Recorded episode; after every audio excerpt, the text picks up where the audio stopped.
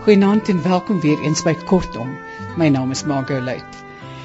Kersfees is so naby dat ek gedink het ons moet maar iets doen om Kersfees ook te vier en te voel hier in Kortom.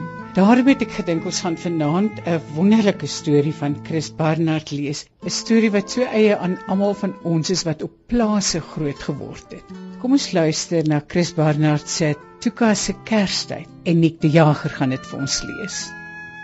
Die eerste keer dat ek Kersvader ontmoet het, het hy met sy slee en sy takbokke deur die lug gekom.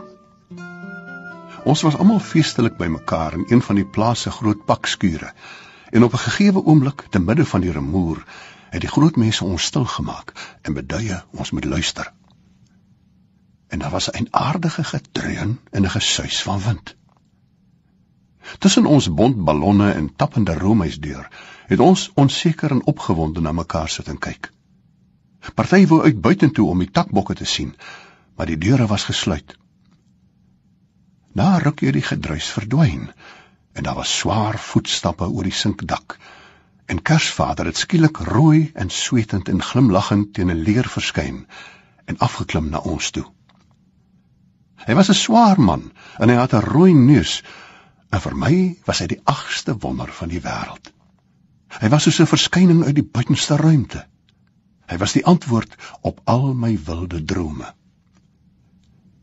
Ek het skielik verseker geweet, Kersfees is die wonderlikste en mooiste ding wat die wêreld nog ooit getref het. Maar iewers het iets verander sedertdien, verbygegaan, vergoed verlore geraak. Kersfees is nie meer Kersfees nie katstert en gemmerbier en vleiende takbokke en liedjies in die maanlig het plek gemaak vir malende massas in prysbaniere en motorongelukke. En vaagweg op die agtergrond, soos 'n dowwe tandpyn, 'n gevoel van leegheid. Waar het wat dan skief geloop? Of is dit maar net ek wat oud word? Wanneer 'n mens 'n kind is, lyk 'n ding mos maklik mooi. Selfs 'n karretjie van tolle gebou kan vir jou 'n kosbare skat wees. Wanneer jy 'n kind is, kan selfs 'n uitstappie veld toe vir jou loutere avontuur wees. Hoe groter jy word, hoe meer moet die wêreld uithaal om jou te verras. Wanneer jy 'n kind is, is 'n skielike tikkie tussen jou tande terwyl jy doekpudding eet vir jou 'n plaas se geld werd. Kersfees, toe ek 'n kind was, was 'n godefees. Dit het maande lank aangekom en maande daarna het ek dit nog verlangend onthou. Dit was die hoogtepunt van die jaar. Dit was die kroon op alle vieringe. In die laafveld was die eerste teken dat Kersfees naderkom, 'n geurtjie in die lug, die halfsoet aroma van mango bloeisels. Kry ons een oggend die geur, het ons geweet, dit is nou nie meer lank nie. My vader sou die tweede teken bring in die vorm van nuus van Tannie Zee af. Tannie Zee sou hy die aand aan tafel aankondig. Tannie Zee sê julle kinders moet van Woensdag af kom oefen vir die Kerskoor. En Woensdag na Woensdag sou ons met uithanghemde en vol stof en met rekkers en klippe in ons sakke kaalvoet tussen die sakke kunsmis met vuil en stralende beswete vrolike gesigte sing die heiland is gebore. Terwyl ons met stomp potlode onderlangs bende briewe skrywe, kopbene daarop teken en die briewe dreigend aan mekaar oorhandig. Wat Tannie See gesien het, was 'n skaretjie singende engele. Van die res het sy niks geweet nie.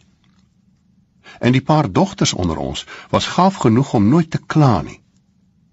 Miskien het hulle vooruit gedink en geweet die een wat loop nuus aandra, sal wel een middag op pad huis toe skielik deur 'n halwe 100 struikrowers oorval word. Ons het ons Kersboom altyd omtrent 2 weke voor Kersfees. Al die plaas en omgewing se kinders sou in die groot pakskuur saamtrek. Ons bende sou ons liedere plegstatig sing. Kersvader sou sy geskenke uitdeel, ons sou eet en drink en skemeraand sou ons huis toe gaan. Maar dit was nog lank nie vir ons Kersfees nie. Dit was 'n blote voorspel, 'n terloopsheid. Verbeel ek my of was daar altyd gedurende daardie laaste weke van die jaar 'n groter gevoel van samehorigheid tussen ons? Ek twyfel of ons dit toe besef het. Dit het maar net met ons gebeur soos dinge met 'n kind gebeur. Hy wissel tande en groei 'n sentimeter 'n dag sonder dat hy iets daarvan begryp. Ek weet net, rondom Kersfees het ons lekkerder saam gespeel. En elke spel, elke speletjie het vir ons groter betekenis. Die dae was ryker en die nagte inniger. Hoekom anders onthou ek die Desembernagte beter as die Julie nagte van my jeug? Hoekom anders onthou ek die plekke waar ons rondom Kersfees gespeel het soveel beter as al die ander speelplekke? Soms het dit snags gereën en ons sou vroegoggend kaalvoet die veld in tussen die nat grasstingels deur al in die klam voetpaaie laas oor die blink klipplate op soek na suurpruime en waterbessies. En iewers in ons sonder dat ons daaraan dink sou ons weet kersfees is baie naby. Dan een aand was dit skielik ou kersaand. Daar sou familie in die huis wees en musiek en katstert in die mure Ons het nooit blinkertjies en linte opgesit nie. Hoekom sou ons ook? Die veld was vol katstert en groen drankertjies. Die huis sou na veld ruik en na gemmerbier. Ons sou buite op die werf speel of op die kweek op ons rug lê en na die sterre kyk en lê en praat oor eendag se eendag. Hoekom was ons op ou Kersaande altyd so bewus van die toekoms? Ek onthou ons Kersdae goed. Die oggend sou daar weer geskenke wees. Geel opwenmotors en hyskrane en bontballe en ballonne. En die hele oggend sou ons ons nuwe speelgoed onder die koeltebome beproef terwyl die groot mense tafels uitdra en begin dek. En hoe later, hoe meer sou die koelte na petersilie en warm skaapbout en wynkoek ruik. Niks was sedertdien ooit weer so vrolik, so uitbundig soos die Kersmaal van my kinderdae nie. Niks was ooit weer so kommerloos nie. Daar het baie water in die see geloop, sê dit destydse doekpoedings op destydse wit gedekte tafels onder die wye koeltebome uitgedeel is. Dan die see is nie meer daar nie. Die katstert en rankgoed het plek gemaak vir blinkertjies en linte en sintetiese kersbome. En die kinders speel buite met groot revolvers en swaarde en masjiengewere en kom baie goed klaar sonder my. Alles is op 'n manier nog dieselfde. Dis net dat dit heeltemal anders geword het. Heeltemal anders. Opwindmotors en elektriese treintjies en doekpoeding maak my nie meer heeltemal so bly nie. Ek gaan elke jaar se einde tegemoet met abstrakter argumente. Die muis bring nie meer 'n trip soos ek 'n tand laat trek nie. Die ooievaar kom lewer nooit meer babas af nie. Klaas Fakkie se sand help nie meer vir laatnag se wakker lê nie. Die braaihoender se wensbeentjie laat nie meer jou drome waar word nie. Rooikappie het ontstellende nuwe betekenisse bygekry. Pa betaal nie meer vir my skoene nie. En Kersvader is maar net my buurman met 'n watte baard.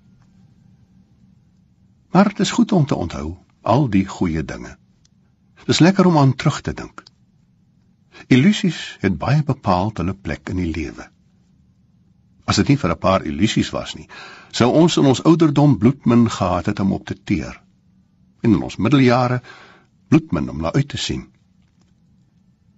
Miskien, wie weet, ontdek ons almal nog eendag, wanneer dit ook al te laat is, dat ons toeka toe ons kinders was, meer van die waarheid geweet het as nou. Dit was Chris Barnard se Tuka se Kerstyd en dit het voorgekom in sy Chris Kras, 'n tweede keer wat Tafelberg in 1976 gepubliseer het. Wonderlike bundels daarin. En Nick die Jager het dit vir ons gelees. Van my Margolite alles van die aller aller allerbeste tot volgende keer. Mag dit met ons almal baie goed gaan. Totsiens.